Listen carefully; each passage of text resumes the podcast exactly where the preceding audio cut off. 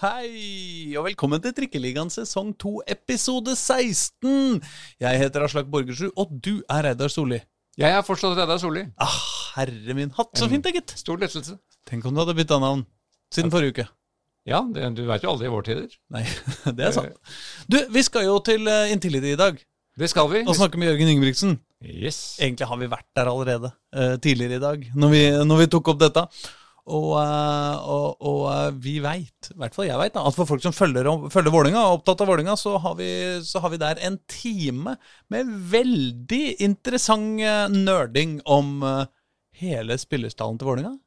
Han, ja, vi gikk gjennom rett og slett mann for mann, og, og Jørgen er den som kaller nerd et uh, hedersord. Eh, Ikke sant? Så her gikk vi dypt inn i, inn i materien. Ja. I hans ellers litt stressa hverdag, for han skulle da rett i møte med om eh, serieåpninga mot Rosenborg Ja. kommende søndag, om Vålerenga var klar for det. Virka nesten som han var litt nervøs fortsatt. Ja, nesten. Ja, Men for, ikke for kampen, altså, men for liksom at uh, man skal få lov og ja, ja, og det, det skjønner jeg jo. Du veit jo ennå ikke om du får slippe inn publikum på søndag. Du får ikke det, vet du. Nei, det gjør de ikke, vet du. Men dette er jo tidligere VIF-studieleder Reimann som uh, får mye innflytelse over. Ikke sant? I tirsdag er det vel Jeg veit ikke om det er uh, noen pressekonferanse Det kan være Det det. det men, men ja, ja. Vi får nå De, de er i hvert fall stressa. Men Ja. han tok, oss, tok seg tid til én time med, med nerding, uh, så da får vi høre om Felix Vorn Myhre, og om han uh, når han forsvinner, og hva som skjer med det. Riktig. får vi ganske klart svar på, faktisk. Det får vi veldig klart svar på. Diskutere litt Carvalho-overgangen, for den som måtte være interessert i det. Ja da, og så snakka han jo litt om hvilke spillere der ute han kunne tenkt seg. Mm. Hvis han hadde hatt de og de midlene til rådighet. Ikke sant? Det var litt Ja. Der var det noen fine navn også. Ja. Og så snakker vi en god del om hvilke spillere som, som eh, eh, er på vei i Eller som på en måte holder på å ta skrittet inn i sjølve førsteelveren, eller, eller i hvert fall å få faktisk spilletid i, i 2011. Og Ja. der, uh, der syns jeg også det var masse Altså, jeg gleder meg sånn til eh, å dele det med dere der ute. Eh, men, men før vi kommer til det, så har det jo skjedd et par ting i Oslo-fotballen i helga eh, som vi ikke har snakka med Jørgen om. Men Nei. som vi kan eh, rekke å få snakka litt grann eh, om. Eh, blant annet så Altså, det har vært tre treningskamper i helga. For Eliteseriens del er det jo siste før, før seriestart. Men for Toppserien og Obos-ligaen så er det jo litt, litt lenger fram. Og jeg tenkte kanskje vi skulle begynne på i Obos, jeg. Ja, vi må ta en kjapp gjennomgang. og da, da var jo, Når det endelig spilles fotballkamper, det er Mm. Og da var det jo praktisk for oss at Grorud og K5 møttes. Det er toppoppgjør i Trikkeligaen, det. Det Selvfølgelig er det det. Trikkeligaen er en ren rein toppkamp. Ja. Så de møttes jo da på Grorud på lørdag. Eh, og den eh, konklusjonen av den kampen blir jo den samme som vi har antyda litt eh, lenge nå, om at eh, Koffa har et lite skritt foran, da, eller? det kan man trygt si. Koffa starta veldig bra fra starten av. De rundspilte vel Grorud mer eller mindre første halvtimen. Ja. Stian Sortevik var jo tilbake nå på, på midtbanen, og det så man jo effekten av. Eh, K5 vant 3-1 til slutt, Ja. eh, og sementerte vel det inntrykket vi har da, om at K5 akter å kjempe om en av kvalikplassene, mens Grorud må jobbe hardt for å unngå nedrykk. Har vel sluppet ut nå ti mål på sine tre siste treningskamper. er Så vår gamle podkastvenn Bergo Mm, Aksel Bergo. selvfølgelig. Ja, han innrømmer det. Han har litt å jobbe med. Jobbe Ja, med. ja. Det som ja, det som var morsomt med den kampen, var at da tre nykommere som eh, Det var jo vår kollega Håkon Thon som var der for oss. Mm. Men uh, fikk se noen fine skåringer. Jeg så den på TV. Philip Romsås, som vi, som vi nevnte sist, han er jo ny mann fra Nordsjøland. Mm. Han uh, skårte det første for, for K5.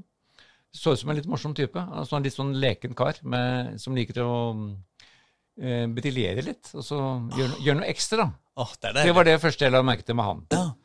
Um, Aron Kiel-Olsen viste seg fram som en stor, ny okse i K5. Kom fra Bærum. Aha. Stanga inn det tredje målet. Da gikk de opp til 3-0 ut i andre omgang. Vi liker jo folk som heter Aron i Oslo-fotballen. Dem liker vi veldig godt, og de skaper som regel mye. Mm. Mens Remi André Svindland skåret da det um, siste, så da var det midterste målet for K5. Mm. Midterste målet, det hørtes veldig rart ut. Men ja, og så For Grorud så fikk de fikk sitt trøstemål rett før slutt med deres nysignering fra Skeid, Hassan Yusuf. Oh, ja! Og det er første gang på lenge jeg har sett han skåre mål. Men det er hyggelig at hvis han, i og med at han ikke gjorde det i Skeid så mye, så kan han jo fortsette i Grorud. Ikke sant? Han tar steget. Men vi får nevne at Grorud da spilte uten sin superspiss Oskar Aga, Mm. som måtte stå over pga. litt skadegreier. Men vi er litt bekymra for Grorud. Vi er eh, middels optimistiske på NRK5. Nå får vi se. Grorud skal ha sin De, de starter ikke før 15. mai. Mm. Så Grorud skal møte Fredrikstad i sin siste treningskamp kommende helg. Å ja, i siste treningskampen, ja. Ja, Men det er godt, det, da. For Ja. det kan bli eh, tøft. Fredrikstad knuste jo Strømsgods Nei, Sand... Hvem var det de knuste? De knuste Strømsgodset 6-1, eh, og så har de slått Mjøndalen 4-1. Ja. Så Ja. ja. Og, og dette er tross alt et Obos-lag, altså et nyopprykka lag til Obos-ligaen, som driver og valser opp med eliteserielag. Eh, Så det kan, det kan bli skummelt fra Østfold i år. ja. Men eh, apropos, eh, apropos topp mot bunn, holdt jeg på å si, eh, så var det jo en annen eh, eh, trikkeliga-toppkamp eh, på 1. mai, eh, lørdag. Sjølveste arbeiderklassens dag skulle altså arbeiderklassens representanter Vålerenga spille mot borgerskapets representanter i Lyn. Sjøl om kanskje ikke økonomien i klubbene tyder på at det er akkurat sånn det er. Men eh, historien og tradisjonene må vi ta vare på. Um, hvordan gikk det med arbeiderklassen mot borgerskapet? Arbeiderklassen vant uh, 3-1 av borgerskapet, men uh, det skal sies at det kanskje litt flatterende resultat for arbeiderklassen. Fordi um, Lyn skapte veldig mye. Visste igjen, sånn som da de møttes i, i serien i fjor, at de var veldig farlige på overganger. Ja. Og skapte faktisk vel så mye, mange sjanser som Vålinga i den kampen. Så deres nye, flunkende nye trener, Tom Stenvold, var uh, egentlig veldig fornøyd med det han så av laget sitt uh, skape. Det er jo to lag som har mista sine største profiler. Sherida Spitz er jo ferdig i VIF, og Camilla Lindberg har forlatt Lyn. Så var det da, er det spørsmål om hvem som skal erstatte Sherida på, i- på Vålerengas midtbane. Og der er det jo mange som peker på Rikke Nygaard. Hun hun spilte der nå, mens eh, andre peker på Dejana Stefanovic. Men hun spilte da faktisk midtstopper nå i denne kampen her, Oh, ja. uh, sammen med Emilie Østerås, fordi Vålerengas vanlige midtstoppere begge var ute med karantene og sykdom. Det er bra å få rydda det i karantene ut av veien før Ja. eh, seriestart. da. Og Jack Maigård hadde vel litt, litt positiv og litt negativ prøve før, før kampstart. Ja, det var det greiene det var der med han, ja. surr rundt den kampen der. Og, og Sigrid Heien Hansen er jo også ute av Vålerengas startelver, for hun sliter med en muskel, muskelsykdom. Som har vært behørig omtalt i eh, både, både en, eh, eh, et par andre podkaster og, og NRK Dagsrevyen og sånn. Det er jo en, en fryktelig, fryktelig sak. Det er en kjedelig sak. Men da fikk da nykommeren Amanda Andradotter fikk da anledningen til å skåre Vålerengas første mål. Og hun spilte, spilte da sin Ja, hun blir en forsterkning, kanskje, på laget. Sammen med en annen, annen nykommer, Ylen Tennebø, fra, som kommer fra Avaldsnes. Mm. Andradotter syns jeg burde holde seg for god til å skåre første mål. Altså. Ja. Hun burde Åpenbart hvilket mål hun burde skåre. Der var det, der var det åpenbart tellefeil. Ja. For Synne Jensen skåret da det andre målet, Ja. så hun burde jo skåret det første. Og så var det da et selvmål av eh, Emma Iversen som brakte Lyn inn i, inn i kampen igjen. I mm, ja, et skudd som hun traff henne i foten, og som gikk i mål. Og så satte Mari Nyhagen 3-1 da i, ut i andre omgang, i en periode hvor egentlig Lyn dominerte mest og hadde bl.a. et skudd i tverrliggeren, og Stefanovic hadde redning på streken, så det, så det var litt hektisk bak i, Vi-forsvaret her. Ja. Hvor de også må, da må framheve keeperen. Altså, det var Hanna Severt som sto kampen, og hun var også en slags matchvinner. Ja. Men løfterikt av Lyn, og løfterikt av Vålerenga, som tross alt vant kampen, tross litt mange hekker underveis. Det teller jo for noe, det også. Gjør det. Så burde vi kanskje prøvd å se om vi fikk eh, prata med han der treneren eh, borti Lyn her. Tom Stenvold skal vi innom etter hvert. Han, eh, han må vi eh, komme innom hvis du hører på dette, Tom. Hold eh, telefonen klar. Eh, og, og svar på u, eh, anrop fra nummeret du ikke kjenner fra før. Det er, det er det man skal om dagen, i tilfelle man skal eh, bli vaksineres eller et eller annet sånt. Men Toppserien starter vel ikke før 22. mai, tror jeg. Nei, De skulle jo egentlig starte først. Mm. Og de havna langt ut i rekka. Ja, all tid i verden. Da var det én treningskamp til, da.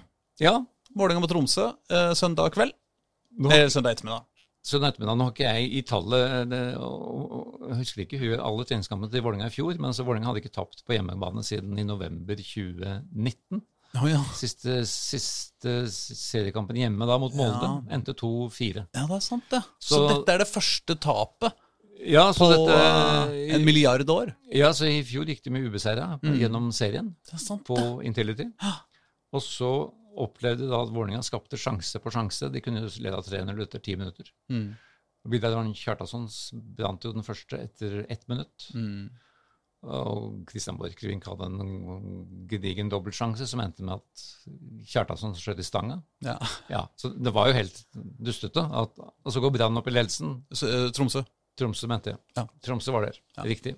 Men Og så fortsetter, angrepet, fortsetter. Vålerenga-angrepet. Ja. Ja, og, og så er det vel uh, Aron Dønnum som feller et litt klønete en, en kar der. Ja. Og så blir det plutselig 0-2. Ja. Ja, litt sånn uh, Ja. komik komikveld. Ja, det var mye rart altså i Forsvaret, men jeg syns jo Og, og så blir man jo fort sånn obs på at eh, Vidar Ørn, Ørn Kjartansson, da, han skårer jo ikke mål lenger. Men det skal jo sies at Vidar la jo opp til to av måla eh, til Vålerenga. To av tre. Ja. Eh, Vålerenga tapte totalt 4-3. Det er jo klart, det er jo litt kokos. Ja. Eh, Det er hyggelig, selvfølgelig, og hvis man først skal tape etter et sånt lang, lang, lang, lang rekke uten tap, så er det jo veldig sånn deilig å ta det en treningskamp mot Tromsø, da. Det er liksom ikke Det hadde vært verre hvis det var uh, uh, mot eh, Lillestrøm eller Brann eller Ja, da jeg snakka med som- Jonathan Tollos Nation etterpå. Han var inne på litt Kanskje, kanskje det var greit at han fikk en vekker nå, sånn rett før seriestart. Men det er klart, de, som Fagermo sa òg, at de har noen utfordringer i forsvaret der som han ikke har sett på en stund. Ja. Han, han syns de kom veldig lett til det. Og dette var jo førstefireren i første fireren. forsvarsfireren, at det var, eh, det var noe greier der. Ja. På den andre sida så var altså Amor Leoni on fire, Ja. eh, som vi sier. Altså, han eh, løp jo opp Altså, det var et tidspunkt der hvor, hvor Ivan Nesberg sender en lang ball, lang ball i, hans, i hans bakrom, holdt jeg på å si. Og den er liksom ikke så god ball, og den passer liksom ikke så bra med et løp. Men den er ganske lang. Og Leone løper jo fra forsvareren sin med halvannen meter. Altså, det var jo helt eh, Det er jo helt uh, fest. Uh, og så er det også absolutt verdt å nevne at Tobias Christensen, som kommer inn for uh, Osame Sarawi, han skårer jo likså godt to mål, da. Det er litt morsomt at eh, det som nå mange kaller Norges beste angrepsrekke, de tre foran der, Mm. de skårer ikke. Men eh, alle, alle måla kom fra midtbanen. Um, Og I forrige kamp kom alle målene fra stopper, eh, stopperne. ja, så det, det betyr at serieåpningen, da har den flytta seg helt fram. Ja, sånn, Så da får vi Ørn Kjartansson sin første skåring for året. Det er sant, det. Uh, Men, eh, men det er jo interessant. Hvem, hvem kommer han til å velge på sånn av Sarawi og Kristen i den første elveren? det sier seg ikke sjøl, Nei, gjør ikke tror det. jeg. Nei. Eh, Jeg syns også det er litt interessant at uh, Vålerenga har altså landets yngste førstekeeper. Ganske ung bekkrøkke. Middels gammel midtbane. Og gammel angrep. Så man har det motsatte av sånn et vanlig lag pleier å være. Nemlig at de yngste og friskeste er foran, mens det trygge eh, og gamle eh, er bak der. Ja. Uh, ting om det. Vi bør, vel- bør vel nevne Henning Bjørdals skåring òg, tenker jeg. For den, den syns jeg var litt sånn Henrik må- Bjørdal, ja. Hva sa jeg? Henning. Henning sa jeg ikke vel ikke. Jeg syns du sa Henning, jeg. Ja, ok. Samme for Ja, meg. nei, men Henning Berg driver med sitt. Men Henrik Bjørdal, Ja.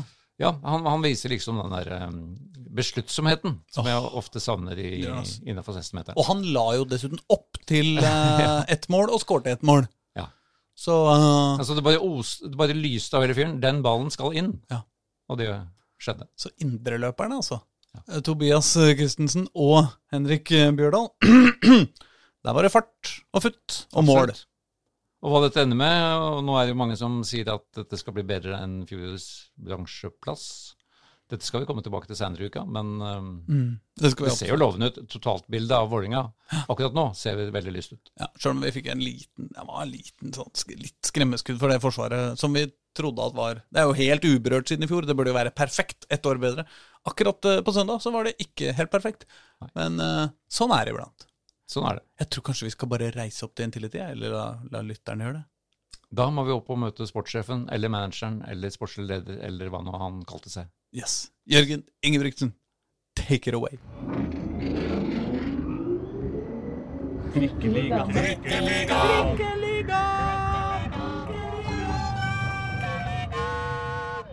Er egentlig Vålerengastallen bra nok? Det tenkte vi å finne ut av i dagens episode av Trikkeligaen. Vi har et lite håp om at vi skal gå gjennom hver eneste spiller i stallen lagdel for lagdel, og diskutere det med sjefen. Er hva er styrken og svakhetene? Hvem kan Vålerenga tjene styrtrike på å selge, og hvem kan vi se for oss at blir de viktigste spillerne på banen framover? Og så skal vi forhåpentligvis også lære litt grann om livet som sportssjef, og hvordan en overgangsforhandling f.eks. egentlig arter seg i praksis, og kanskje vi greier å få lurt ut hva slags spillere Vålerenga har tenkt å kjøpe også. Og for å få svar på dette, så har vi tjuvlånt podkaststudio til Vålerenga fotball oppe på Intility med glimrende ut, utsikt over banen, og dessuten har vi lurt med oss Vålerengas sportssjef Jørgen Ingebrigtsen inn i studio. Halla! Hallais. Går det bra? Det går bra. Det går bra. Det er jo uh, lys i tunnelen og seriestartsuke, så her går det bra. Altså, man blir så uh, oppmuntra av å sitte her i dette stedet. Altså, dette tror jeg må være landets fineste podkaststudio. Det er altså utsikt over hele gressmatta. Sola skinner. Riktignok én persienne litt nede, men det er, det er ganske fint. Her er det fantastisk. Her er Det fantastisk. Det er et rom vi bruker for lite, syns jeg. Men uh, her sitter man godt. Kan man se kamp og og møter, og her er det fint. Altså, vi, vi, vi, er villige til å dra opp hit og, og, og, gjøre intervju hver dag, tror jeg. I hvert fall jeg. altså. Det, det, her er det så fint. um, men du, Jørgen. Det er en, du er den fjerde Jørgen vi snakker med i Oslo-fotballen. Vi har bare gjort en 13-14 intervjuer. Ja. Hva er det som foregår? Hvorfor heter dere Jørgen alle sammen, egentlig? Og han oppe på Ekeberg han har jo samme initialer òg, faktisk. Men, ikke sant? Eh, JY. Men, eh, nei, det er mye flinke folk som heter Jørgen, da, sikkert. Jeg lurte på om det kanskje kunne være en eller annen sånn felles inspirasjonskilde, at alle sportsforeldre på jeg vet ikke liksom Tilbake noen tiår i tida het Jørgen alle sammen. Er det Jørgen Juve dere er eh, oppkalt etter, eller er det Jørgen Jalland? Ja, jeg er vel ikke gammel nok til å være oppkalt etter Jørgen Juve, og kanskje ikke ung nok, dessverre, til å være oppkalt etter Jørgen Jalland, men uh, det var jo to gode fotballspillere, det. Ja, ja. Men du er fra Harstad. Største ja. fotballnavnet fra Harstad. Hvem skal, vi, hvem skal, vi, sette øverst der? Nei, de som eh, Oslo-folk kanskje kjenner best, i hvert fall de som er litt eldre enn meg, er jo Trygve Borne. Ja. Selvfølgelig både med landslagsfortid og Skeid-fortid. Han tok jo faktisk med seg Skeid uh, til Harstad da Harstad åpna Norges første kunstgressbane okay. på Harstad stadion. Um, så, uh, Norges første kunstgressbane? Norges første når, når, var dette i verden? Norges første kunstgressbane. Uh, ja, det var jo rett før man fikk kunstgress på Skal tro om det var skal tro om det var Skeid sin gamle hjemmebane som var bane nummer to med kunstgress. Ah. kunne det ha vært i 77? 78, ja, da, vi er på slutten av 70-tallet. Ja, jeg, jeg, tror det Jeg tror faktisk Jordal, Jordal var nummer to. Ja, det har du rett i. Og fortsatt krangler vi om dette kunstgresset. ja, Som om det var en ny og fryktelig oppfinnelse. Ja, ja, ja. På den tida var det vel mer teppe enn kunstgress. Eh, ja, det var sånn filtteppe. Det var det, så jeg kan jo godt huske det sjøl fra min fra min tid i barne- og ungdomsfotballen at kunstgresset på stadion det var vi veldig fornøyd med, men når jeg ser tilbake på det nå, så var det jo et filtteppe. det var på den tida vi hadde alle som spilte fotball, hadde sånne lange skrubbsår oppover hele låret. I ja, hvert fall vi eh, forsvarsspillere. Ja, ja, ja. Mine foreldre har nok eh, hatt både sånne bandasje og sårsalve lett tilgjengelig hele oppveksten, kan jeg huske. Ikke sant. Mens nå er det gummikulene eh, som. Eh, som, vi, som, vi, er forbanna på. Ja. Samma det. Eh, vi tenkte altså å gå gjennom spillerstallen med deg, fordi mm. hvem, hvem, andre enn eh, sportssjefen? Er, er, det sportssjef, eller sportsdirektør, eller sportslig leder, eller sportslig administrator, har jeg lest også? Det er mye greier. Ja, i arbeidskontrakten så heter det jo sportslig leder, men ja. um, jeg tror det er for spesielt interessert å, å forstå forskjellen på sportslig leder og sportssjef ja. og sportsdirektør. men, det, men, men, dette betyr den rolla i en fotballklubb, mm. den er i prinsippet over treneren.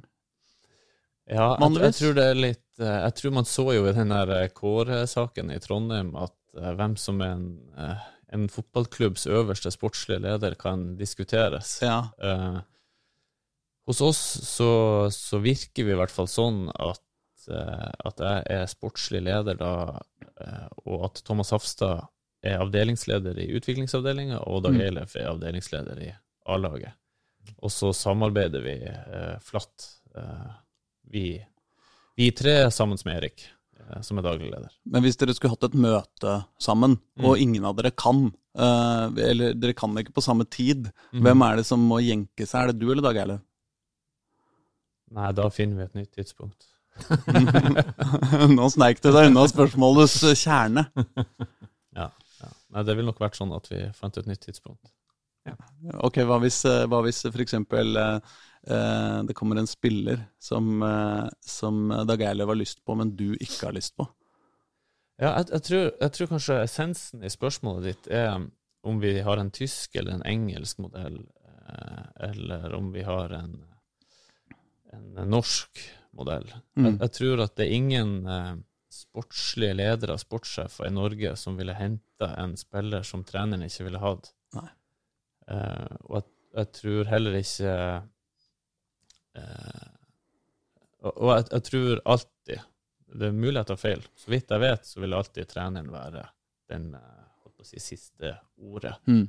Det er ikke noe vits å bringe en til, inn i garderoben som ikke kommer til å bli brukt. Eh, og det er jo treneren som eh, å si, skisserer behovet, ser behovet i, i laget sitt fra uke til uke, eller kvartal til kvartal, eller halvår til halvår. Mm. Og sånn. Min rolle er jo mer å ivareta de lengre linjene. Klubbens strategi er å få frem egne unge Mm. produkt. Mm. Det må jeg holde et, eh, et godt øye på. Det er Mm. mitt ansvarsområde å samarbeide med Thomas fra utviklingsavdelinga og hans trenere og Dag Eilef fra A-laget om Mm. at vi holder oss på sporet på strategien. Men at det absolutt må være han ene høyrebekken som kommer opp, hvis Dag Eilef mener at vi, vi har behov for en annen høyrebekk for å gjøre laget bedre, så, så vil man jo ikke pushe gjennom høyrebekken fra akademiet, eller hente en høyrebekk fra Koffa eller eh, eh, Mm. Stabæk, eh, som hovedtreneren ikke vil ha. Mm. Selv om det er Oslo-gutter. Ja. Ja. Ja, for vi har vel ikke noen manager i, i norsk fotball, egentlig. Martin Andresen var kanskje den siste som prøvde. ja, det er mulig. Vi, nei, jeg tror kanskje ikke vi har noen manager i norsk fotball. eh, uten at jeg vet det, sånn på detaljnivå Mm. hele landet rundt. Vi satt på, jeg husker vi satt, hadde en lignende prat på Øst her for noen år siden. Det var vel først eh, ja, året etter at du kom ut.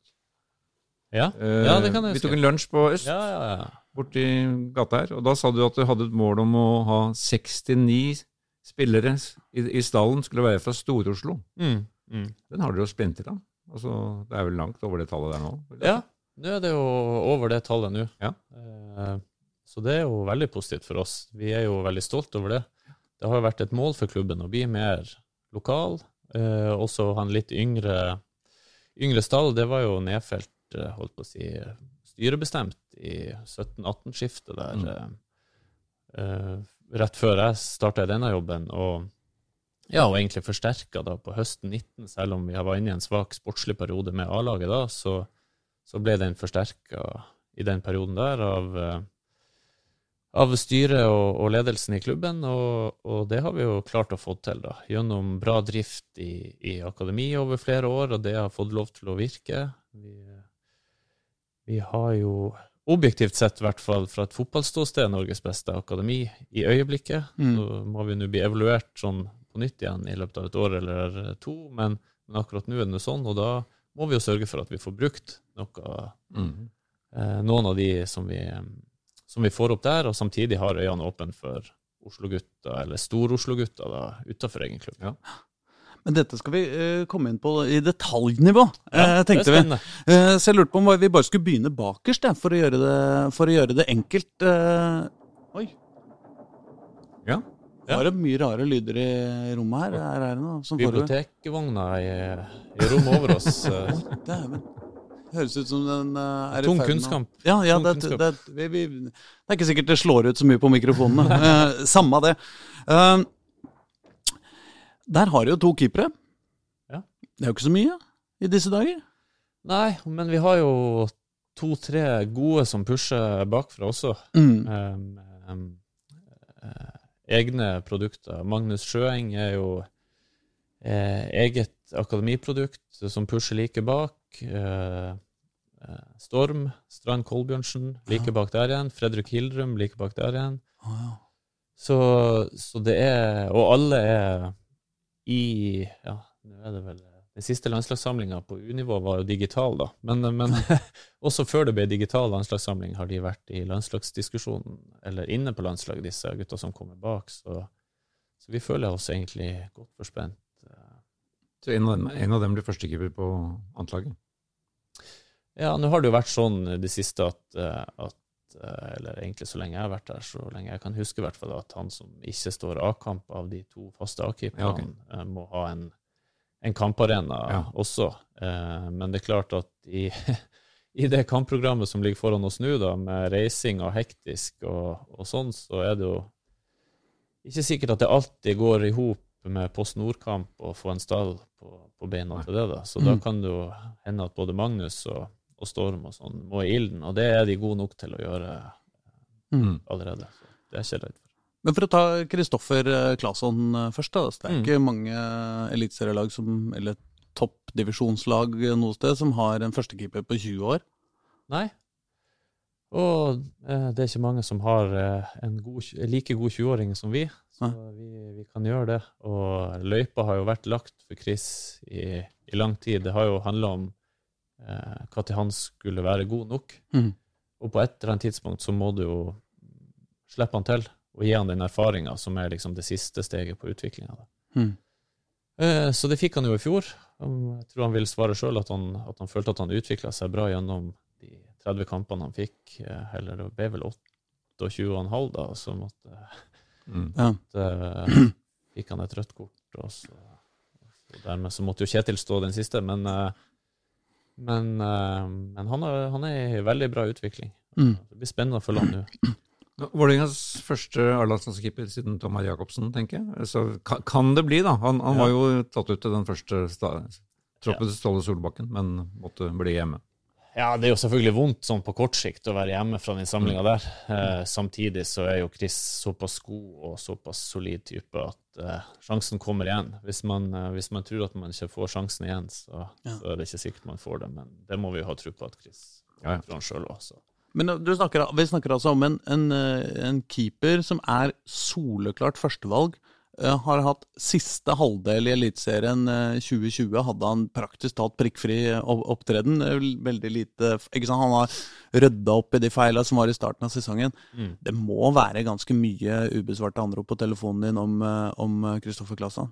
Ja, det, Nei, det er ikke så mange ubesvarte. Jeg prøver å svare stort sett de som ringer, men eh, Nei, altså, jeg har veldig bra dialog med Chris sine folk, kall det det, da. De Mm. som er rundt Chris, og det, det er skikkelige folk Mm. um, som, eh, som vi jobber bra med her i klubben. Og eh, det har vært um, interesse rundt Kristoffer selvfølgelig i flere år, i og med at Mm. han har vært liksom, fremst på sitt kull. Um, det har jo vært uh, noen nærmest konkrete henvendelser for halvannet år siden, kanskje blitt to år siden nå, som vi var jo åpne om sjøl, Mm. at det var interesse rundt han, rundt han da. Eh, men, det, men det har ikke konkretisert seg noe eh, holdt på, å si, på denne sida julaften. Vi spilte jo til julaften Ja, ja. i fjor, så, eh, men, så så det har det ikke vært. Det har det ikke vært. Så han er, han er trygg, han. Du klarte å beholde han en stund. Nei, nei, nei, ingen er trygg. Langt ifra. Det er jo sånn det er at når vi som eh, Altså, norsk fotball befinner seg der vi gjør i Mm. hierarkiet. Det, det blir jo sikkert tema på flere av de andre navnene her òg, så må man jo være åpen for at ting kan skje. Mm. Eh, Så, sånn er det nå en gang. Mm. Eh, og, det, og det skal vi òg. Vi har jo en ambisjon. Eh, så det er nedfelt i tekst. Det er en ambisjon for eh, akademiet at vi skal produsere spillere til Europa. Mm. Og, og realisere drømmer for eh, Oslo og Stor-Oslo-gutter. Så, så det, det skal vi være med på. Det er viktig for oss, også hvis vi skal få inn nye gutter Mm. uh, i fremtiden, At vi også er med å realisere drømmene til de vi har. Så, så at Kristoffers Kristoffer reise går videre en eller annen Mm. gang. Nå har han vært her i sju-åtte år allerede, så, så det, det håper vi jo og tror vi jo, men vi skulle jo gjerne ha han med og, og klatre litt grann høyere opp på tabellen før vi sender videre. Ja, men det, jeg vet ikke hvordan liksom markedet er for keepere. Det er, jo, det, er jo, det er jo forskjell på keepere og spisser, på en måte, men samtidig, det er ikke så ofte du har 20-åringer som, som, gjør det så bra, eller? Nei, det har jo vært noen sånne veldig hyggelige historier fra, fra Sverige, med unge keepere som har fått reist videre for, for fine summer til gode klubber. Mm. Um, men, men, det er jo verre, det er jo et tøffere marked å komme seg ut som keeper, har jeg inntrykk av. Ja. Også når jeg snakker med, med folk rundt forbi for å kalle det det. Så, så det blir spennende å se. Hvis mm. han kommer på A-landslaget nå, så vil sikkert det trøkket øke litt òg. Ja. Det er jo bare bra.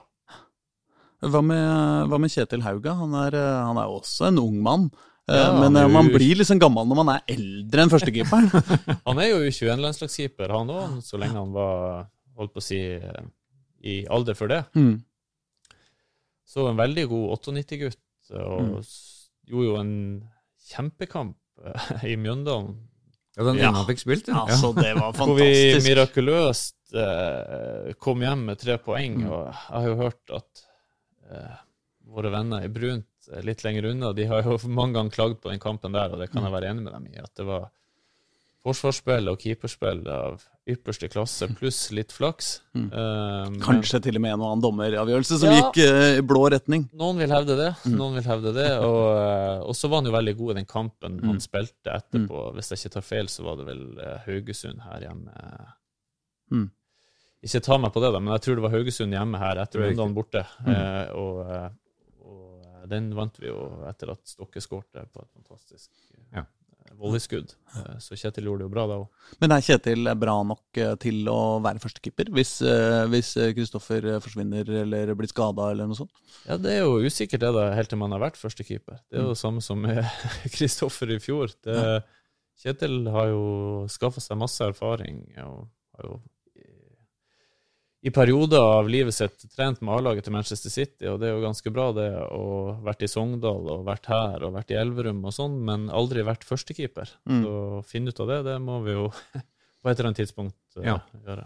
Ja, for Det må være litt frustrerende å være en såpass god, uh, god keeper og, og, sitte på, og, sitte på, benken. Og ja. når du er så uh, når, Ikke sant, hvis hvis han hadde sittet bak Adam Larsen Karasai, da, eller sant, en annen på godt opp i 30-åra, så tenker du at nå er det bare å, er det bare å holde ut, og så ja, kommer min sjanse. Men det er klart at når førstekeeperen er to år yngre, så Ja, er ikke det sånn En keepers lodd i livet er jo uh, I hvert fall en andre keepers lodd i livet. Du kan reise rundt en hel sesong uten å få spilt. Ja. Og, uh, så uh, det er tøft, det. det no, noen lurte på hvor det ble av Adam Larsen? Hva det jeg si? Ja, jeg har ikke snakka med han på ganske lenge sjøl, men uh, Men kontrakten hans det ble bare avvikla her? Ja, vi ble enige med Adam. Vi fant en løsning på de siste månedene. han hadde ja. Mm. Ok, Så du vet ikke om han spiller noe annet sted nå? Nei, det vet jeg ikke. Hvis ikke ryggen er blitt uh, mirakuløst mye bedre i det siste, så var det vel noe der? var det ikke? Ja, det var veldig kjedelig for han, syns jeg. For vondt av ja, alle som sliter så lenge med, mm. med skader. Men han var jo veldig i bedring og trente jo holdt jeg på å si, på slutten. Mm. godt, og hadde jo god tro på at han skulle få den i orden. Så det, det håper jeg at han har fått. Mm. Forsvaret. Forsvaret må vi løpe til da. Ja. Uh, og da tenkte jeg kanskje vi skulle begynne på en mann som jeg mener å huske at fikk litt spilletid nå i en av disse treningskampene. Oskar Oppsal. Mm. Uh, Åssen er uh, Er han i nærheten av en, en, en tropp, eller? Ja, Oskar er jo det rene det rene venstreback-alternativet til, til Sem. Mm. Altså, Oskar er jo en som vi har uh, hatt veldig tro på i flere år. Oskar var en av de første som fikk uh, rekruttproffkontrakt her i klubben. Mm. Har jo skaffa seg masse landslagserfaring de siste årene. Uh, sånn at det er jo et, et maraton mot et, en plass i førsteelveren, tror jeg, hvis du spør både Oskar og trenerteamet og Igor som er toppspillutvikler, så tror jeg du, du vil få høre at uh, den uh, Det er veldig bra utvikling. Utviklingskurven er ganske mye brattere nå den siste halvannen-to månedene enn, enn den har vært en liten periode. Så det går jo i røkk og napp med disse unggutta, og nå tar han store steg. Uh, så han nærmer seg absolutt. Mm. Hvordan type spiller er han egentlig? Han er veldig teknisk skikkelig offensiv, offensivt veldig bra i kombinasjonsspillet, bra innleggsfot. Um, defensivt kanskje litt mer å gå på i, intensitet, um, duellkraft. Kanskje naturlig nok. Altså, han er i vekst og sånn. Han er Christian Borchgrevink, bare speilvendt? Ja, det kan du godt si. Husk på at Christian Borchgrevink er jo 99-modell, Oskar er 01-modell. Så Mm. Christian fikk jo sitt Selv om han spilte en del kamper på høsten 19, så hadde han vel kanskje kall det et skikkelig gjennombrudd i 2020, da, som 21-åring. Og Oskar blir jo 20 i år, så, så det tar tid å få frem gode backer. Mm. Han er i god rute. Um, Fredrik Holmé, da? Mm. Han, eh, han er så um, Han er så tydelig uh, når man ser han sånn estetisk. Uh, han ser jo ut som altså uh, den nye Panserhagen, på en måte. Ja, ja, ja Fredrik eh, han er i murblokk. Ja. Så eh, han har ordentlige forutsetninger for å, for å bli en god midtstopper. Jeg vet ikke om det er riktig å si at man er late bloomer da, når man er på A-laget på det tidspunktet han kom. Late bloomer er kanskje et litt sånn eh, forslitt uttrykk, men, men, eh, men eh, han ble jo gradvis bedre og utvikla seg gradvis raskere gjennom juniortida. Mm. Og han var jo ikke oppe i A-lagstrening eh, og sånn før høsten 19, vinteren 20, han heller. Mm. Så det er klart at han eh, Han eh, må ta noen par steg til. Han er jo i sjiktet eh, bak Ivan og Jonathan, Mm. men looking good, da. Men han er kanskje også i sjiktet bak uh, Brageskaret.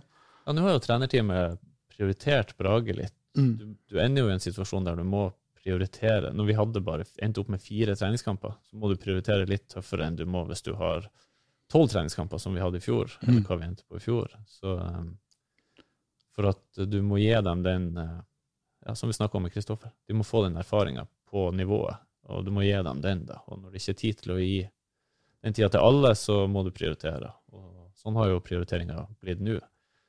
Eh, Men Holme er likevel en viktig, viktig spiller i, i staden. Når fikk, han- når fikk han den fysikken sin? Altså, Han må jo ha vokst voldsomt på et eller annet stadium. Ja, eh, jeg vil kanskje si sånn fra høsten 18 og gjennom 19-sesongen eh, at, Ja. han, eh, at han vokste fælt. av det tredjedivisjonsåret med, med andrelaget Mm. det var, var kanskje det Fredrik trengte for å liksom ordentlig slå ut i full blomst. Men kommer han til å være Til å bli på Intility hele Sorry, var litt eh, rusk i.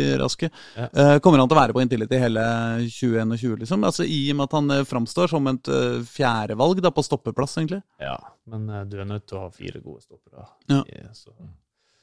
Situasjonen var jo en annen i fjor, da når vi lånte den ut til Ullkisa. Da hadde vi jo Johan her òg, Mm. Bjørdal.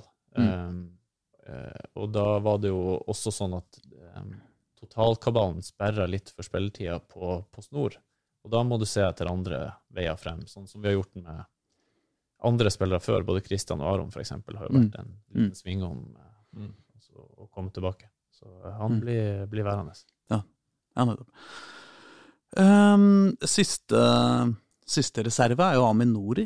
Mm. Uh, og det har jo, har jo liksom blitt eh, trist for oss som har vært Amin Nori-fans i, i mange år og syns han har vært en formidabel spiller, men eh, nå er han, eh, nå er han ute i kulda på et eller annet vis.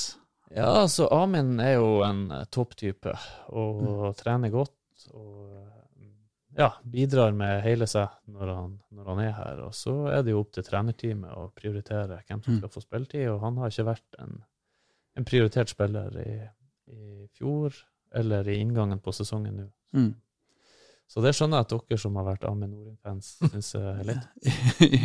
I så mange år, vet du. det er det. ja. Men, men, eh, men han, han er også han er, Det er ikke noe utlån eller noe uh, salg eller noe sånt der, eller?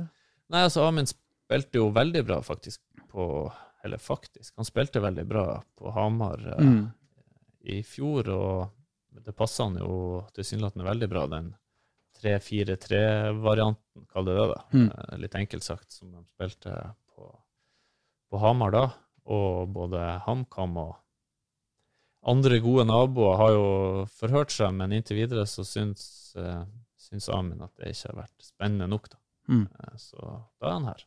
Så det er hans valg. Ja, det har vært det nå. Det har vært det. Hvor lang, Han, han bodde, har vel bodd i Oslo hele tida, og vil helst være her. Ja, han pendla jo fra Oslo til Hamar Ja, i fjor. Ja. Ja. Hvor lang kontrakt har han? Han har ut dette året her. Ja. Så i utgangspunktet så blir han her. Ja, det er jo helt umulig å si, men, men enn så lenge så har han jo sjøl valgt, etter diskusjon med oss, at, at han vil være her og gi det en sjanse å være her, Mm. selv om det har vært andre som har vært interessert. Men er han, eh, nå som Felix eh, forsvant, er Amin eh, eh, Han har ikke Felix høyrebekken? forsvunnet helt enda da. Nei. Hvor lenge spiller han? Nei, han har kontra kontrakt her til 30. juni. Er det 30 dager i juni? 30. Mm. juni. Mm. Ja, ut i juni. Mm. Ja, ok.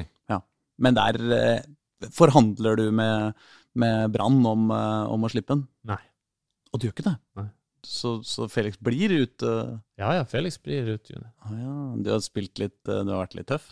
Nei, nei, det har vi sagt. Det har vi vært helt åpne med, både Felix og hans agenter, at eh, vi beholder Felix ut juni. Vi har sågar eh, også forhørt oss om vi kunne Vi har jo i, i lengre tid, helt siden i fjor, prøvd å forlenge den avtalen, bare Mm, sånn mm. som et utgangspunkt, da. Og helt inntil det siste nå, bare inn i forrige uke, forsøkt å i hvert fall forlenge den ut juli, Mm. til vinduet åpner 1. august. Mhm. Eh, men nå har Felix tatt det valget han har gjort, og det, det får vi ha respekt for. Det skjønner jeg at Mm. han har ønska seg noe annet nå. Um, men da må vi i hvert fall beholde den. Det er jo en tredjedel av sesongen som skal spilles frem til 1. juli, Ja, så det er klart at vi, vi, eh, vi kommer til å få god bruk for Felix. Det er jo Mm. en kjempespiller, og en faktisk enda bedre type. Han er jo en Mm. fantastisk flott fyr, så, så vi beholder han. Men, han, men Brann har vært på deg og sagt liksom Ja, men kom igjen, da. Du Nei. får 200 000, liksom. Så Nei, nei. De har ikke prøvd heller? Nei, de har ikke snakka med noen i Brann. Eh, Det er jo mm. Felix sine agenter som har uh, lufta om, om vi kan være interessert i å slippe den før det. Mm. Men, eh, men da var svaret det samme som du fikk nå, Mm. Mm. at det er vi ikke så interessert i. Så da har jeg ikke hørt noe fra Men Brann. han klarer å holde fokus da på å kunne prestere her, selv om han i huet sitt skal være i en annen klubb eh, om noen måter.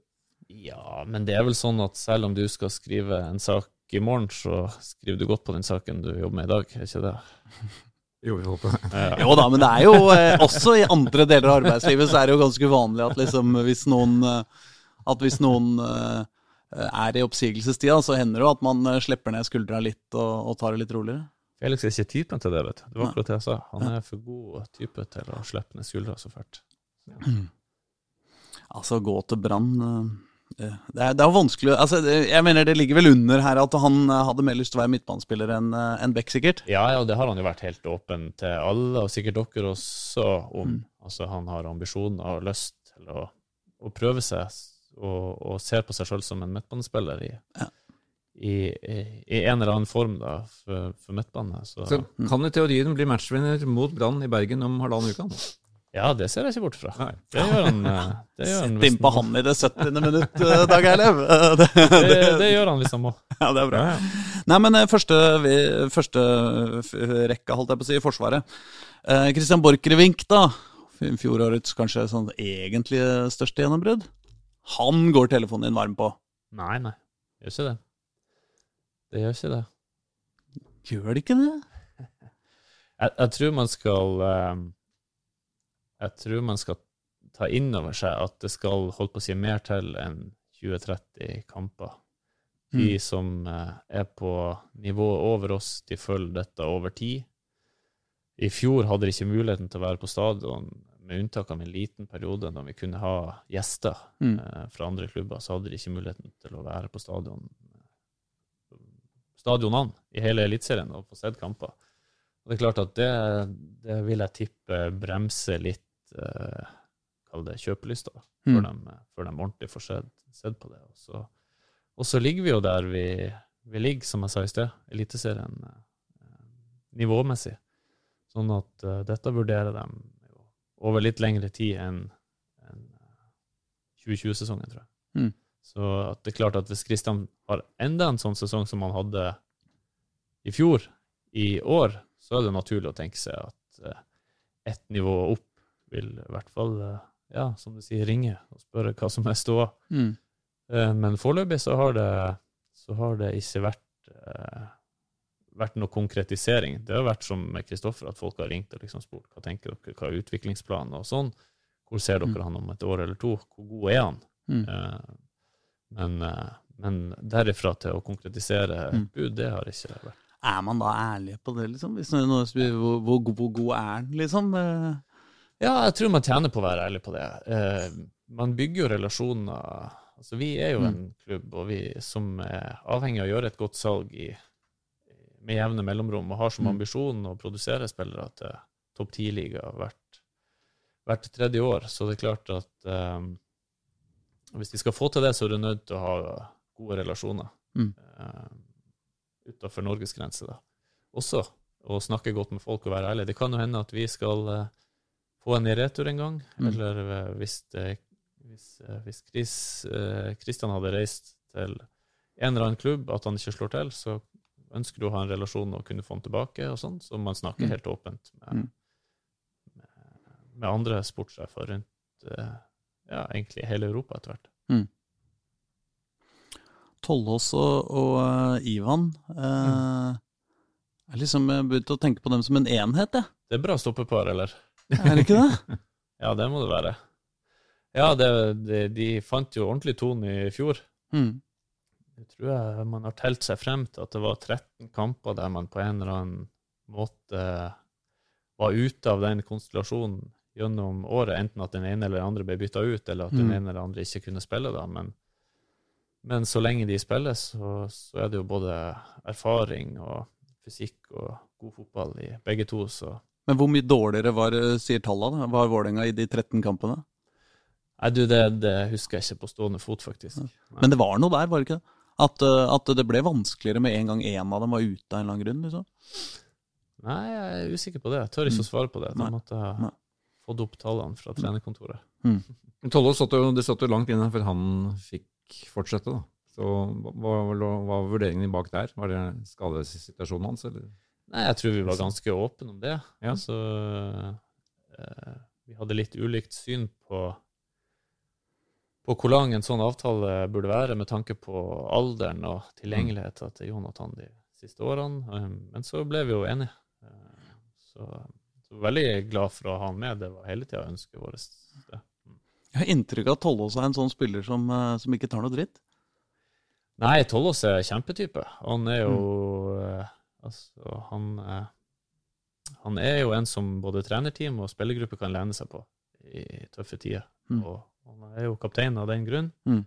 Og uh, opplevde han som utrolig flott å, å, å spare med i fjor, da, når, det, når uh, det, var tøffe tider for oss alle her med permittering og, og for å komme i gang igjen og sånn, så han, gjorde han en veldig bra jobb for, for spillergruppa og for trenerteamet. Mm. Bra type. Ja. Men han lot seg ikke kjøre over heller, liksom? fikk jeg inntrykk av? Nei, nei, nei. nei mm. og det er det ikke så, så mange av de som gjør. Altså, dette er jo stort sett voksne folk som sier fra hvis de er uenige. Så, og Jonathan er jo veldig flink til det, og syns jeg argumenterer godt og er reflektert og har fått masse erfaring. Så det er klart at han er en bauta hos oss. Mm. Ivan, er det en spiller som man ser for seg liksom skal spille i Vålerenga til han blir 35 og, og få eh, navnet sitt uh, uh, tatovert inn i betongen, eller er det noen uh, vei videre, eller?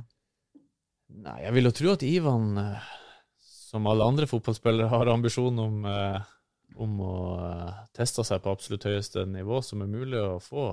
Jeg mener jo at Ivan bør jo ja, vi, vi har vel sett landskamper alle tre de siste par årene, og ja. Ivan med det vi har sett i midtstopperposisjonen der, bør vel være vel så aktuell som, som, noen av de andre som har spilt der de siste årene. Så, så det er naturlig at hvis han fortsetter å utvikle seg sånn, en meget vass venstrefot blir det etter hvert, mm. eh, bra fysisk, er raskere enn han kanskje ser ut som faktisk òg. Jeg vet ikke om noen kan huske at han har blitt fraløpt. Så eh, så bør det ligge muligheter der. Men det er klart, eh, den historien hadde jo vært eh, fantastisk. Født rett ned i gata her, født og oppvokst rett ned i gata her, og hadde han da spilt eh, fra han var 16 til han var 36 på A-laget til Vålerenga, så hadde det kanskje blitt Eh, en eh, størrelse på, på høyde med hengeren og, Mhm. og Tippen og Mm. Bruno og disse gutta som man hører om fra gamle dager. Men det var noen historier, eh, noen eh, smårykter i, i fjor eh, om, om han. Det var både, var både England og Belgia eller noe sånt som, som det gikk historier om. Ja, jeg det- fikk med meg det. Jeg tror jeg leste det sikkert der dere leste det òg. Ja. Det var det, faktisk. Ja, det var det. Ja. Det var ikke noen, det var ikke noen aktivitet som nådde deg. Nei. Nei. Og det har det ikke vært siden, eller? Men venstre, han er vel god, god med venstrebeinet, sa du? Ja. Det er noe han har trent opp. Altså, ven, Nei. venstrebeinte midtstopper er jo attraktivt. da. Ja, ja, absolutt. Ja. Han er jo, eh, han er jo venstrebeint, han. Han er venstrebeint. Så han er, han er meget solid. Jeg skal følge med på trening etterpå. Høyrefoten er jeg litt usikker på, faktisk. Ja. men, eh, men i kortpasningsspillet så er han i hvert fall bra der. Men om han har den Mm. samme finessen i crossen med høyre, det er jeg usikker på. Ja. Det blir ikke så mye crosser i år. Vet du. Det, blir, eh, det blir på samme sida nå. Det dødelige våpen, Ivan Aron-crossen, Ja. den eh, ble bedre og bedre utover året i fjor. Det er sant, det, men det kom noen eh, Ivan uh, Amor-pasninger i, Ja. i går som eh, Rett frem òg der, tenkte jeg det. Da. Mm. da blir det vanskelig å stå bak på andre sida. Ja. Sistemann i, i Forsvaret, eh, Sam Adekugby, han blir ofte trukket fram som liksom Hvis du skal erstatte noen, eh, så er det han som, uh, som, uh, som er først i, i rekka. Ser du på det sånn? Nei, Sam har jo vært her holdt på å si like lenge som jeg har hatt den stillinga her. Mm. Vi har vært veldig fornøyd med den jobben han har gjort. Den Hva blir det, da? Våren, sommeren 19, da når vi Vi tok jo åttendeplass i 2018 og sjette Nei, eh, 17. og sjetteplass i 2018, og hadde jo heng på teten i sommeren 2019. Mm. Kjørt du over solgte ei uke. Ja, ja, ja, ja. Og samspillet Sam med Juke var jo veldig bra. Ja. Samspillet Sam med Juke var jo veldig bra, og da var det jo både forespørsler og konkret interesse rundt Sam, da. Mm. Naturlig nok. Den venstresida så jo helt eh, magisk ut. Og eh, eh, ja, var vel som resten av laget ikke helt i shape eh, de siste 14-15 kampene der. Men hadde et godt år igjen i fjor, da. Mm. Um, og er inne i sitt siste kontraktsår nå.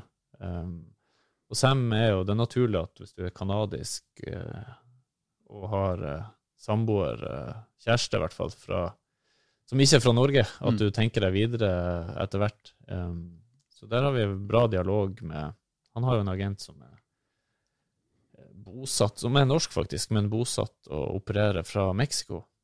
Okay. Så det er ikke så ofte han er innom på en kaffe, men, eh, men vi har nå hverandre på WhatsApp og snakker nå åpent. Mm. Eh, Så, så det kan godt være at Sam sin vei går videre når kontrakten eh, går ut. Ja, men da er det ikke egentlig snakk om noe salg, da er det snakk om at han, han bare ikke fortsetter. Ja, nei, vi, vi, I den grad vi kan kontrollere det sjøl, så ønsker vi jo å, å ha Sam her. Å få tak i gode Mm. venstrebacker er ikke noe sånn Det er ikke gjort over natta, det, altså. Nei. Mm. Så, så vi må, vi må ha, Og han har jo bra relasjon eh, med venstresida. Osame og han fikk jo en bra relasjon utover eh, året i fjor, så Så, eh, så Sem er vi fornøyd med. Um, Kommer fra vintersportbyen Vancouver. De har vel et bra fotballag der borte òg. Ja, jeg følger ikke så nøye med på MLS, men, men de har jo vært i mange år. Ja. Et godt lag i MLS, Ja. eh, Mm. på MLS-nivå. jeg merker at vi, vi går litt sakte fram. Vet du. Ja, vi var det jeg var redd vi må øke takta i Men- forbindelse med Ja. Men vi trenger eh, å Altså, denne Felix Horn Myhre-situasjonen er fortsatt uh, Altså, han har vært uh, første Eller i hvert fall eh, et av de første valga som reserve i eh, både på venstre- og høyrebekken. Mm. Eh, betyr det at dere kommer til å leite etter en ny eh, flerbruksspiller i Forsvaret? Ja, vi har jo vært åpne om at vi må ha inn en som kan bekle flere posisjoner, at det er naturlig for oss å tenke dit. da. Mm. Um, så, så det ser vi jo etter, og har vi diskutert uh, utallige timer selvfølgelig de siste, siste månedene. Mm. Um, så har vi jo hele tida håpet at vi skulle ha med oss Felix minst ut juli, da, men helst ut året, Mm. og prøvd å få til det. Um, det har vi ikke klart. Og så er det jo alle restriksjonene som gjelder med å få inn folk i landet, de kjenner dere like godt som meg. Mm. Eh, eh, og Dere har jo også sett prisnivået på norske spillere gjennom den vinteren her. Der setter jo Glimt en ny standard for prising av Obo-spillere. Det er kanskje vår, vår andres frustrasjon. Mm. Men, eh, men eh, ja, vi, vi kikker på det. Kikker på det. Samtidig så, så må vi eh, også tenke løsning i den standen vi har. Så det Om ni-ti dager så, så vet vi svaret på det, Ja. eh, alle tre her. Er det, det var uh, Nicolas Mikkelsson fra Godset har vært et navn som har vært nevnt i den sammenhengen. Ja, Nico kjenner vi jo godt, flere av oss. Og, um, og han er jo har jo også vært på landslaget til han som er toppspillerutvikler her, Igor. Og Mm. oss har jo hatt han på landslag, så det er klart at det er en spiller vi kjenner godt. Og landslagsspillere med utgående kontrakt, de holder du et øye på. Mm. Men, eh, men derifra til at det skulle være noe konkret, det er jo et lite stykke. Mm. Men, men er det en av spillerne det kan være at, uh, at uh, kommer inn i løpet av dette vinduet? Uh, Nei, vi, vi er ikke kommet så langt at jeg vil si ja på det, men, men at han er på kall det ei liste da, over navn som Mm. kunne vært mulig. Mm. Eh, Nå vet jeg ikke hva Du så at Strømsgodset også slapp inn noen mål i går, så det kan jo hende at uh, de også har bruk for forsvarsspillere. Så, Det virker sånn. Men er det noen andre navn som er på den lista? ja, det er jo det. Det hadde vært dumt. Hvis det hadde vært bare ett navn, så hadde det ikke vært ei liste. Vel? Kort liste, da. ja, det er kort liste. Det er sant. Det er. Men hvem er de andre navnene på den lista? Ja, det er jo litt dumt å si, da. Ja, men det er veldig bra for oss, Ja, om du det- sier det. Det er, det er mange der ute som lurer, og som har lyst til å google og gå Ja, på. Transfermarkt og YouTube og Y-Scout og det som fins. Ja, ja. Kanskje vi møtes igjen 12., da? Så kan vi ta det. Nei, men Er det den type spillere, liksom? Det er det du ser etter? Folk som kan være både venstrebekk og høyrebekk, eh, kanskje, og som Uh... Ja, eller eh, som kan bekle andre posisjoner i kombinasjon med en av bekkene, i hvert fall. Er dette, dette en, et av dine hovedtidsforbruk nå, eller? Altså, mitt hovedtidsforbruk nå er dessverre å holde oversikt over at vi skal få trent og spilt kamper innenfor reglementet. Ja. Eh, det er svært trøttende, hvis jeg skal være helt ærlig, å holde seg orientert. Altså, min siste kommunikasjon med NFF eh, og Lise Klavenes var halv ni på lørdagskvelden for at vi skulle få avvikla kamp i går ettermiddag. Sånn Mm. at eh, em, her går det fra dag til dag, Ok. eh, ja, faktisk. Så- Ja, og ja, dette er litt på siden, men kommende helg serieåpning mot Rosenborg er også masse detaljer rundt som ikke er avklart. Ja, og det, skal, som dere vet, så skal jeg jo videre dit når vi er ferdig her nå. Ja. Så, så um, det har dessverre vært et hovedanliggende noen måneder nå. Eh, Og det oppleves frustrerende, frustrerende og irriterende og alt det på en gang, men det må vi jo bare stå i. Stå i. Så For det går utover det du egentlig skulle drevet med. det er akkurat det som er poenget. Ja. Ja. du føler at du blir spist opp. Eh, Skulle gjerne hatt mer tid til å vært rundt eh, Hafstad og akademiet, og skulle gjerne hatt mer tid til å eh, snakke med folk utenfor huset om, eh, om sommeren og høsten, og skulle gjerne vært mer rundt Mm. ja, resten av klubben òg. Mm. Så eh, ja, det er nok det som har vært mest eh, tid brukt på. Og så må man jo håndtere de her tingene, vanlige tingene i tillegg. Mm. Ja, Sånn podkastintervjuer og sånn. Ja, ja, ja. ja. På midtbanen så har jo altså noen eh, unge, veldig unge spillere som har kommet inn eh, nå i løpet av eh, vinteren, og som vi her ute veit veldig lite om. Mathias Emilsen og Magnus Beck Risnes. ja. Um, 03 og 04 henholdsvis. Mm, Eh, ofte kan det jo være en sånn god øvelse å sammenligne spillere med andre spillere som folk kanskje kjenner, og det er klart at eh, Mathias er jo en sentral midtbane som kan ligne på på mm, som er foran han i køen der. Um, hadde en veldig bra høst med A-laget, og vi bestemte oss da for å ta han, ta han opp permanent. Og ja, han har jo vært inne i landslagssjiktet før, uh, mens vi drev på med landslag før koronaen. Mhm. Og ja, vi har veldig, veldig tro på han eh, fremover. Og det samme har vi jo med Magnus. Han er jo enda et år yngre. Han er jo født i desember, nei, november, 16. november eh, 2004. Mm. Så det er klart at, eh, at han er jo enda veldig ung. Men eh, det finnes 2004-gutter fra Norge som gjør seg bemerka i liga utenfor Norge òg. Skjeldrup i Nordsjøland, eksempel. Og, mm. og eh, Magnus har eh, gode ferdigheter. Han har eh, bra fysikk og løpskraft til å, til å være så ung. Um, ja, og en uh, bra og reflektert gutt som uh, er litt uh, Litt tid nå, så vil vi Vi vil helt sikkert få se han i Eliteserien i år. Ja, du tror det? Ja, det tror jeg. Mm. og så får vi se hvor mye det blir, og hvor klar han er. Ja. Blir det sånn 4-0 når, vi- når vi uansett leder 4-0 borte mot Molde? Eh, Ja, når vi leder 4-0 borte mot Molde, da kommer han inn. jeg sier vi, ja, det var kanskje jeg mener dere, altså. Ja, jeg, som da alltid havner inn i far-sønn-relasjoner når Ja. vi snakker podkast om Ja. gamle VIF, så er det jo da Han er vel sønn av den gamle VIF-tekniker. Ja da, han er jo det. Business. Han er jo det. Så Mm. han snakker vi jo med sånn. Ja. Med ujevne mellomrom. Mm. Og eh, akkurat nå så tror jeg Dag syns at Magnus er på et bra sted i karrieren sin. Jeg har inntrykk av det, i hvert fall. Så er det vel en til av dem i systemet? Ja, Martin han eh, var, har jo vært i rekrutttroppen i flere år. Mm. Um, han gikk jo ut av den i, i høst, men vi har faktisk hatt med oss Martin litt. uh, han er òg en type flerbruksspiller, uh, egentlig. Han kan spille stopper og back og indreløper.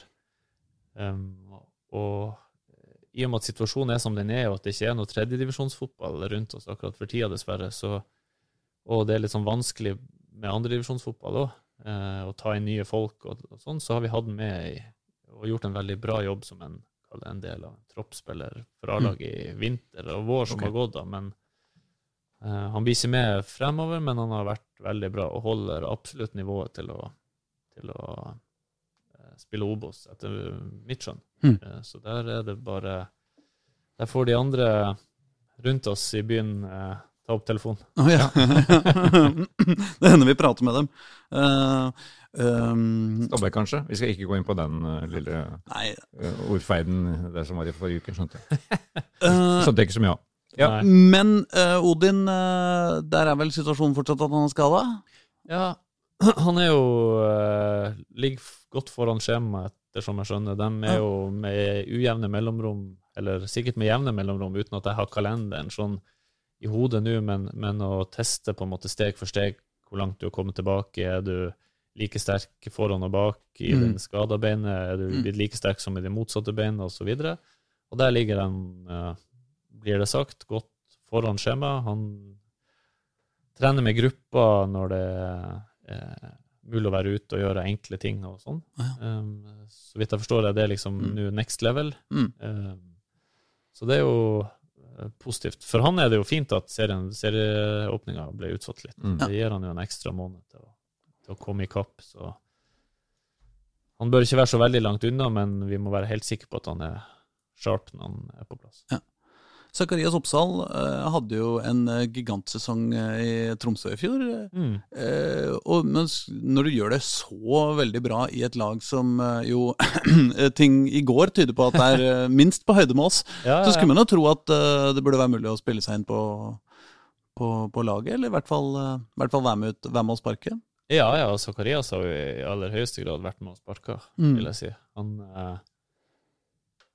han gjorde jo en veldig bra kanskje andre halvdel av sesongen, ville jeg sagt, hvis jeg skulle vært helt sånn eh, på detalj der, Mm. og var viktig i det opprykket. Og har gjort eh, og er i utvikling her. Han har mer å gå på eh, fysisk spesielt, eh, duellkraft og sånn, i det defensive. I det offensive har han jo egentlig to føtter som er helt fantastiske, og minst på høyde med det meste av det andre vi har. Så, Mm. så han er i bra rute, han. Han får vi se. Hvilken, eh, hvilken plass eh, kommer vi til å se ham på i tilfelle? Nei, han kan jo spille begge indreløperne, og han visste jo i Tromsø i fjor at han kan spille sentralt òg. Ja. Så uh, han kunne sikkert ha blitt en, en god back òg. Han mm. uh, har jo bra fot og fart til det. Mm. Så, men nøden er først og fremst nå i de tre midtbaneposisjonene at han har vært uh, diskutert her, da. En ny, en ny, en ny Felix Horn Myhre, med andre ja. Nei, ja. De er litt to forskjellige spillere, men Zakarias er helt eh, enorm eh, eh, med begge bein, egentlig. Mm. Felix- har vel litt mer fysikk, tenker jeg. Ja, Enn så lenge så har han det. det. Det er jo Mm. hvis, hvis man skal ta litt sånn kritikk sånn generelt etter de utlånene man har gjort de siste årene, så vi, vi, som klubb må være enda bedre til å følge opp de utlånte spillerne på de fysiske parametrene når de er ute. Skulle gjerne ønske at Sakka hadde kommet litt lenger fysisk gjennom det året som gikk. Fotballmessig tok han jo noen steg, åpenbart, men, eh, men, vi burde ha fulgt den bedre opp og sammen med Saka fått han litt lenger frem eh, i det fysiske til han kom tilbake. Oldrup eh, føler jeg ikke føler jeg er så trygg og, og god, så han uh, tenker jeg kanskje vi bare hopper over. Uh, det blir han sikkert fornøyd med. Ikke sant? Mens på jo, Egentlig det samme med Henrik Bjørdal. Han, det, er ikke, det, er jo ikke, så mye å diskutere der. Han kom inn og tok laget med storm, og siden er det ingen som har turt å ta fra han noe som helst. Nei, han har jo han har tatt med seg internasjonal erfaring tilbake. Til og med begynt å komme seg inn i boksen og skåre mål og sånn? Ja, han er målskårer, han, hvis han vil. Så er han det. Deilig det målet i går, altså, hvor han bare feide gjennom en blokk. og bare, ja. Det er en spiller som har en fot ut og prøver å blokkere den ballen, men det brøy bare ikke Henrik Sjalm. Ja.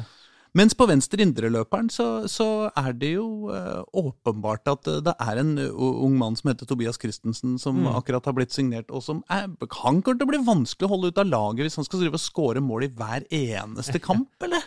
Ja, det ser veldig bra ut. Veldig glad for den utviklinga han har hatt etter at han kom. Vi har jo eh, fulgt nøye med Tobias i flere år, egentlig. Eh, og gjorde jo første fremstøtet litt, sånn, litt før han gikk til Molde. Mm. Eh, så veldig glad for å ha han her nå. Og vi tror at vi kan få, få, ut av han det vi har sett av han på den internasjonale arenaen da, mot sine jevnaldrende, også mm. på eliteserienivå nå, da.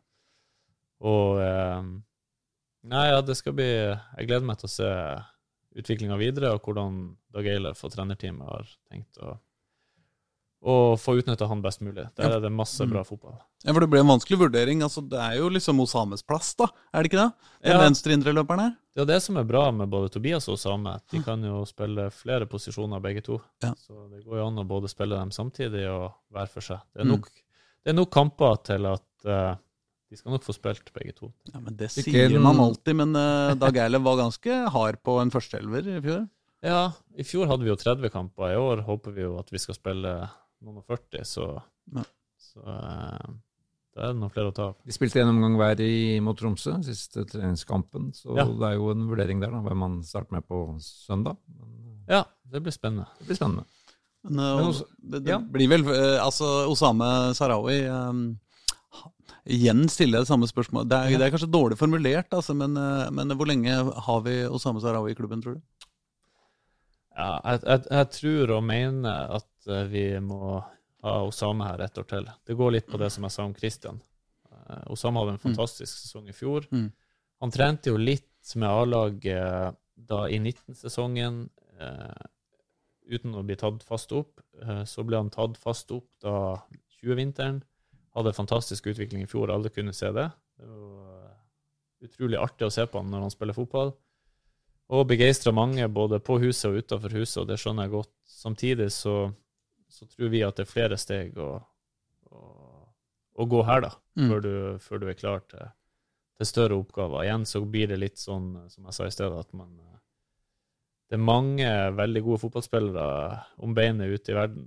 Så at han har noe ekstra, åpenbart, men du må liksom vise det litt over tid. og Kanskje kan noe samme bidra med enda flere mål og målpoeng. Da kommer det i hvert fall eh, telefoner på, på, telefonen min. som mm -hmm. Vi snakka med Vidar Davidsen her for noen uker siden. Han var jo litt inne på det samme. at Han, han, jo, han har jo veldig spisskompetanse og et eget talent. Men mm. på den annen side så er det veldig mange av den typen internasjonalt. Mm. Han, han konkurrerer i et vanskelig marked.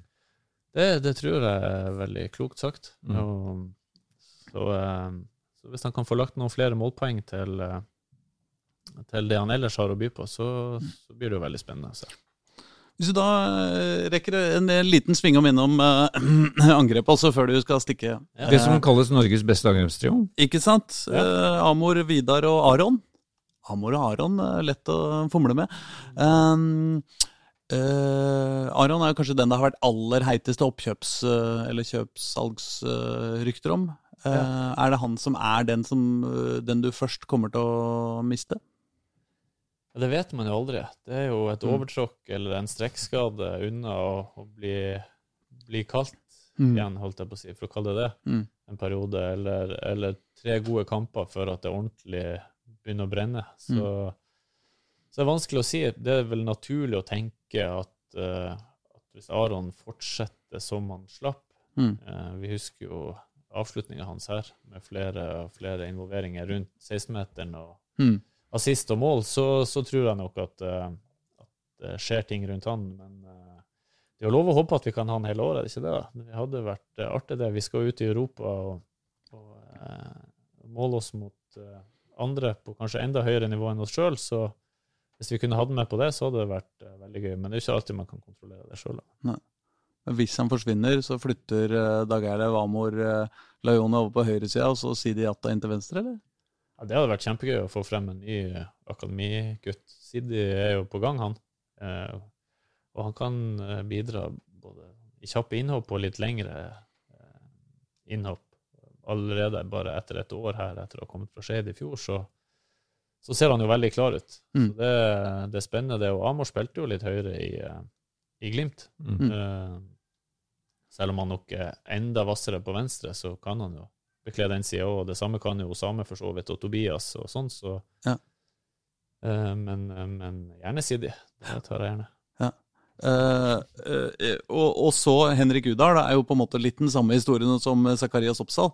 Altså en, en, fyr som har vist seg å være for god for Obos-ligaen. Han uh, må jo nesten få litt tid i Eliteserien? Ja da, som sagt. Jeg håper vi skal spille over 40 kamper. Ja.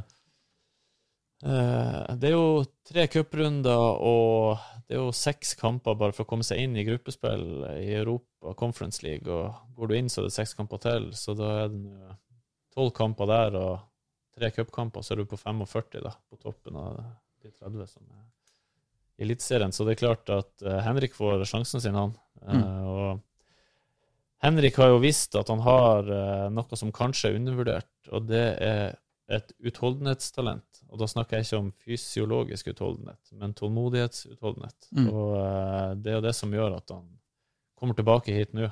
At han ikke gir opp og har trua på seg sjøl og, og jobber hardt for å oppnå målene sine. Så jeg er helt sikker på at han eh, Med det, det talentet der, så er jeg helt sikker på at han eh, får mange sjanser. Mm. Ja, som så, du sier, han, han, skjønner hvor han er igjen i, i bildet? Kort og godt. Ja, det har jeg inntrykk av. At han ja. har veldig, veldig Altså, han, han, han ser seg sjøl eh, på en god måte. Kan jeg bare fise av ett lite siste spørsmål før vi, før vi slipper deg av gårde? Altså, hvis du, eller Vålerenga, da, arver eh, f.eks. en eller annen La oss si dere får 50 millioner kroner, men det er en betingelse på de 50 millioner kronene. Ja. Du får bare lov til å kjøpe en eneste spiller for dem.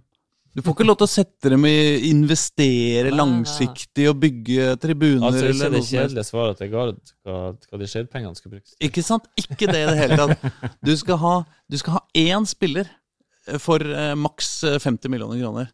Hvem hadde dere kjøpt da? Det er jo veldig vanskelig, fordi 50 eh, millioner, da hadde vi jo lånt Messi en dag, så hadde vi gått ja. men, så det må, kan ikke være en sånn. Det må være en som er mulig å kjøpe for 50 millioner. Mm.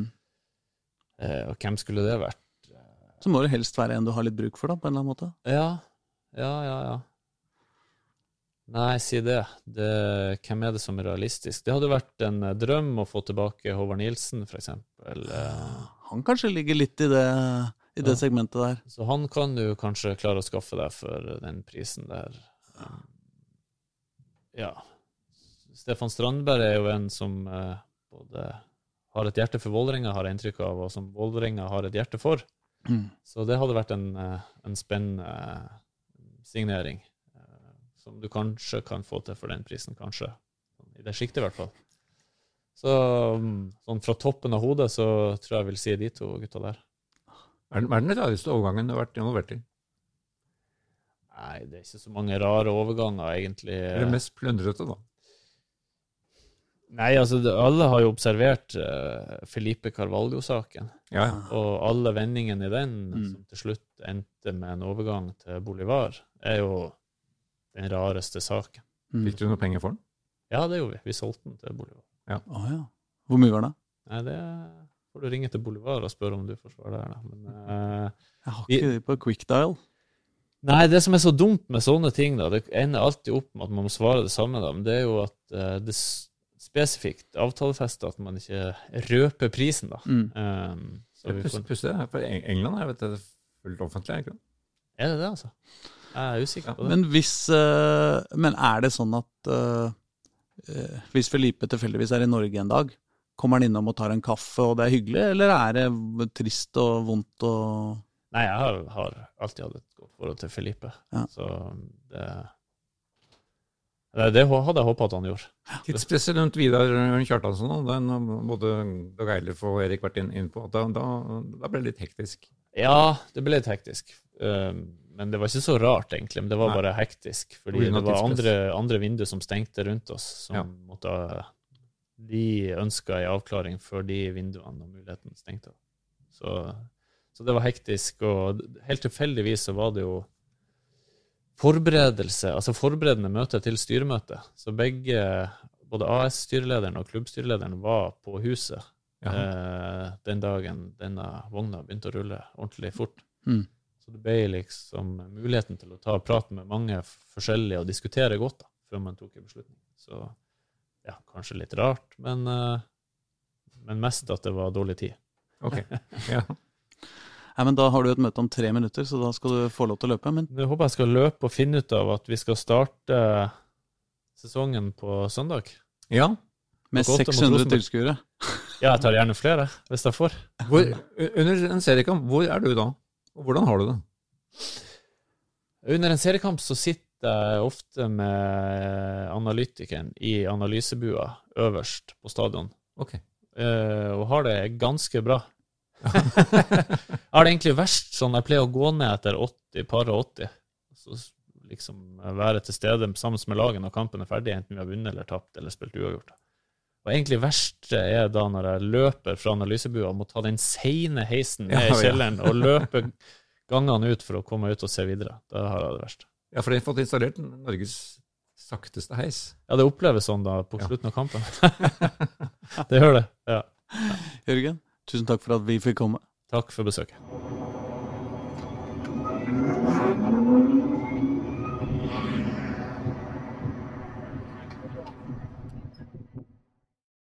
Før dere forlater oss helt eh, det, er, det, er vi, det hender at vi glemmer å si noen ting som vi burde si når vi har, gjør sånne lange intervjuer. Så, så, men altså, vi er en liten redaksjon i Dagsavisen, og vi syns det er veldig veldig moro å lage Trikkeligaen, en, en podkast bare om Oslo-fotball for dere. Men, men eh, eh, for eh, Altså, vi har ansvaret for å booke intervjuer, finne på spørsmål, reise ut og møte folk, redigere dritten etterpå, fjerne støy i lydfila og få dette ut på internett. Men dere, kjære lyttere, dere har også lite grann ansvar.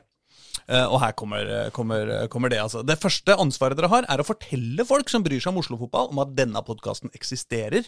Eh, hvis dere liker den, da. Dere kan godt skjelle den ut hvis dere syns den er dårlig. Fytti katta, jeg hører på en så skikkelig dårlig podkast! Men den heter Trikkeligaen! Så kan dere snakke dritt om den med vennene dine. Det andre dere kan gjøre, er å, er å liksom, ta og engasjere dere, enten på Twitter eller Facebook. Der er vi som Trikkeligaen øh, begge steder. Eh, Der kan dere stille spørsmål og kommentere og diskutere ting og sånn, eh, hvis dere fortsatt liker den. Ellers så finnes det alltids muligheten til å gi oss noen stjerner i Apple Podcast og, og sånne ting, hvis dere gjør det. Dere, det tredje dere kan gjøre, kjære lyttere som vil eh, engasjere dere, eh, er å gå inn på dagsavisa.no og lese sportssakene der. Altså, det er noen av de sakene som er bak eh, mur, så det kan være lurt å tegne i hvert fall et lite sånn prøveabonnement på Dagsavisen hvis du ikke er abonnent fra før av, og sjekke om du liker det. Men vi skriver ganske mye saker, nyhetssaker om disse lagene i Oslo-fotballen. Det er ganske mye mer der enn du får på, på Trikkeligaen-podkasten sånn hver uke, da, er det ikke der? Der får du alt, alt, alt det vi ikke rekker å snakke om her. Ja, Det, det kommer som regel på trykk der. Og det er jo da noen um, friske nyheter innimellom også. ikke sant? Ofte litt, eh, kanskje mer nyhetstrykk, da. Men så er det ikke så mange som skriver om sånn som toppserien Vålerenga og Lyn.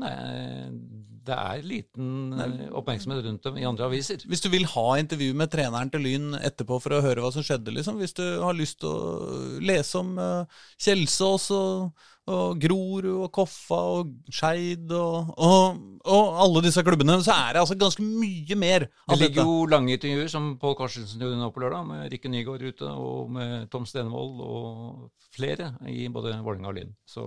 Ikke sant? Så, så, ta en tur på dagsavisen.no iblant, så, så, blir vi, så blir vi glad. Um, og da skal vi slippe dere. Men uh, vi har uh, denne uka så skal vi gjøre noe litt spesielt. Uh, Reidar. Vi lager en egen, egen liten podkast som kommer ut i helgen. her vel? Lørdag Den kommer sikkert på lørdag morgen, tror jeg. Lørdag morgen, ja. I forbindelse med seriestarten. For nå er det jo ikke seriestart før søndag ettermiddag. Nei. Etter at den ble litt amputert. Men det, det, vi har da Vålerenga og Rosenborg, som er vi starter jo med storkampen. Mm. Det er jo Åge Hareides første besøk på Intility Arena. Vi må ønske han hjertelig velkommen. Eller nå. Eller nå.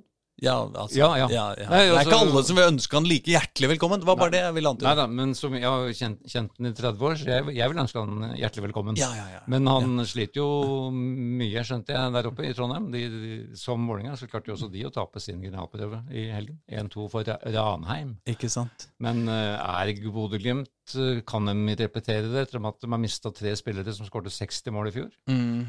Er Molde på slakken etter Europaliga-eventyret? Kanskje Molde er helt på knæra? Ja. Vålerenga, bronseplass, har skapt nye forventninger. Er vi urealistiske når vi fabler om gull? Dette skal vi drodle om eh, kommende helg. Yes, så, så, på lørdag morgen kommer det altså en ekstraepisode av Trikkeligaen. En, en spesial seriestart spesial. Uh, så hvis du, hvis du syns du har fått for, for mye Vålerenga nå, hvis du er en av de som bare er å høre på denne podkasten for, for Kjelsås uh, uh, eller Skeid-nyheter, så, så, kan du hoppe over den. Men hvis du bryr deg om Vålerenga, så, blir det blir det en skikkelig eliteserie, spekulasjons- og forventnings- og alt mulig sak på lørdag. Og så er vi tilbake i vanlig tralt igjen uka etter, og da tror jeg vi skal glede oss til Obos-ligastart. Stemmer. Seriestart Obos-ligaen 15. mai. For en tid å være i live. Vi snakkes, da. Vi snakkes.